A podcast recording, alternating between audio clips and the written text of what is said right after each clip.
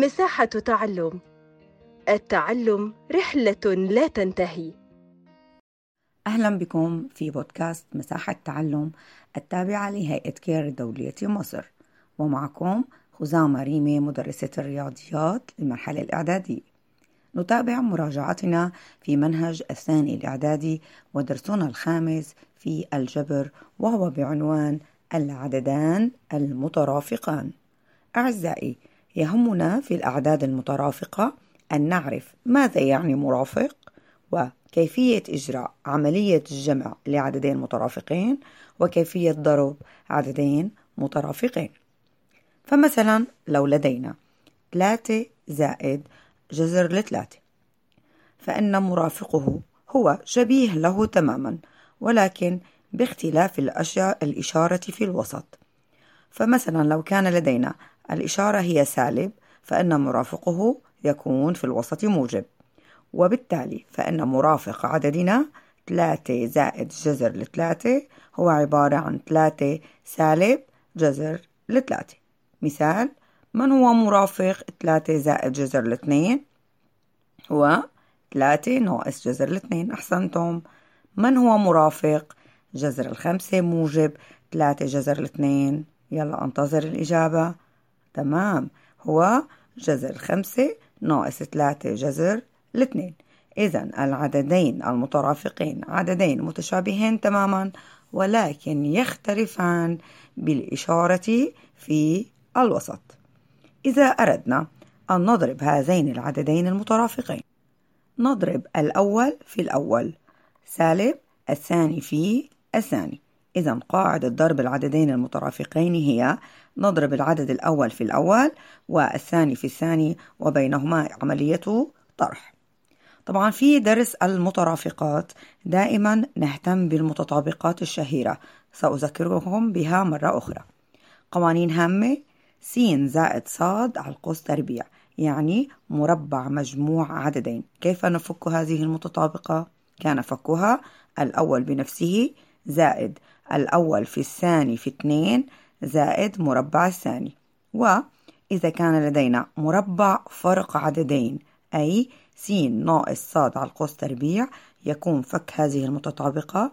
الأول بنفسه ناقص الأول في الثاني في اثنين زائد مربع الثاني.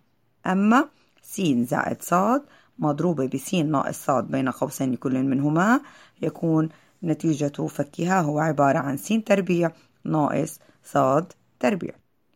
أما عن طريقة جمع العددين المترافقين فإننا نأخذ دائما ضعف الحد الأول. وكلمة ضعف يعني نأخذ العدد ونضربه بإثنان. تعالوا نجرب معا بعض التمارين. مثال جذر الاثنين زائد جذر الخمسة. والمرافق له هو جذر الاثنين ناقص جذر الخمسة. حاصل ضرب هذين العددين المترافقين كما قلنا هو عبارة عن مربع العدد الأول ناقص مربع العدد الثاني. كما قلنا القاعدة كانت الأول في الأول والثاني في الثاني وبينهما ناقص كما هي هي نفسها. تربيع يعني ضرب العدد بنفسه. إذا عند تربيع جذر الاثنين ماذا نحصل؟ نحصل على اثنين. عند تربيع جذر الخمسة نحصل على خمسة. فتكون النتيجة اثنين ناقص خمسة ويساوي سالب ثلاثة. أما حاصل الجمع فهي ضعف الحد الأول أي نأخذ جذر الاثنين ونضربه باثنين فنحصل على اثنين جذر الاثنين. سوف نطبق مثال آخر أيضا. بين قوسين لدينا المرافق الأول 3 ناقص جذر السبعة ومرافقه 3 زائد جذر السبعة ما هو ناتج الضرب؟ تمام انتظر إجابتكم ناتج الضرب هو عبارة عن مم. هو عبارة عن تربيع الحد الأول وتربيع الحد الثاني وبينهما إشارة فرق مربع الثلاثة هو تسعة مربع جذر السبعة هو سبعة بالطرح بينهما تسعة ناقص سبعة يبقى لدينا اثنان أما حالة الجمع نأخذ الحد الأول فقط ونضربه باثنين فنحصل على اثنين ضرب ثلاثة فيكون الناتج ست. والآن تعالوا معي لنطبق التمرين المهم التالي. إذا كانت س تساوي 2 على جذر السبعة ناقص جذر الخمسة.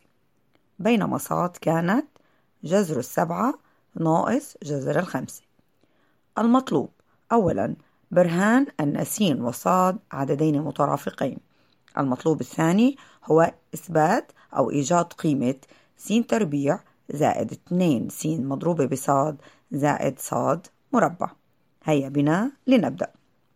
في البداية بالنظر إلى قيمتي س وصاد نجد أن صاد مقامها عبارة عن جذور وبالتالي فهي تتطلب التعديل. كيف نعدل ونجعل مقامها صحيحا؟ وذلك بضرب الكل من البسط والمقام كما تعلمنا في درسنا السابق بمرافق المقام. من هو مرافق المقام؟ المقام عندي جذر السبعة ناقص جذر الخمسة. من مرافقه؟ مرافقه شبيه له ولكن بإشارة موجب في الوسط. هيا بنا.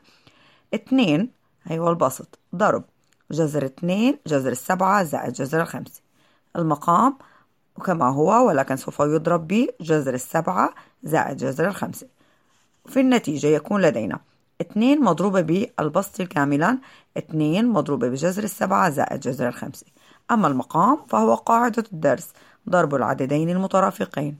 إذا مربع جذر سبعة هو سبعة ومربع جذر الخمسة هو خمسة وبالطرح يبقى لدينا اثنان فقط. ماذا يوجد في البسط؟ يوجد اثنين عامل مشترك اثنين فوق اثنين تحت. بالاختصار يبقى لدينا جذر سبعة زائد جذر الخمسة.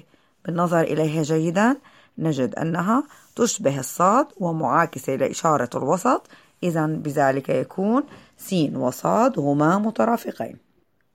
والآن إلى الطلب الثاني الذي طلب فيه إيجاد قيمة س تربيع زائد 2 س في صاد زائد صاد تربيع. هل تذكرتم هذه العلاقة جيدا؟ قبل شوي قبل فترة قليلة تم ذكرها. ما هي كانت؟ كانت فك متطابقة شهيرة وهي كانت س زائد صاد بين قوسين مجموعين ومربع. كانت عبارة عن متطابقة مربع مجموع عددين. إذا نرجع العلاقة لأصلها. أي سوف نوجد معا مجموع العددين ثم نقوم بعملية التربيع. هيا بنا نضع القيم مكانها. السين هي عبارة عن جذر السبعة زائد جذر الخمسة. الصاد هي عبارة عن جذر السبعة ناقص جذر الخمسة. بالنظر إليهم جيدا نجد أن جذر الخمسة لها إشارة موجبة والثانية لها إشارة سالبة إذا مجموعهما صفر. ماذا بقي لدينا؟ بقي لدينا جذر السبعة زائد جذر السبعة فتكون النتيجة 2 جذر السبعة. على القوس تربيع ماذا نفعل بالتربيع؟ نوزعه على المكونات. المكون الأول هو 2 مربعه هو 4 جذر السبعة مربعه هو 7 فتكون النتيجة 4 ضرب 7 ويساوي 28 وهي قيمة المقدار المطلوب إيجاد قيمته. إذا الأعداد المترافقة هما عددين متشابهين يفصل بينهما. الأول إشارة موجبة والثاني إشارة سالبة. كيف نوجد الجمع؟ ونأخذ الحد الأول ضعفه ضعف الحد الأول. أما بالنسبة إلى الضرب فهو عبارة عن مربع العدد الأول ناقص مربع العدد الثاني. وبذلك ننهي ملف العددين المترافقين ودمتم بخير. وألقاكم في درسنا القادم.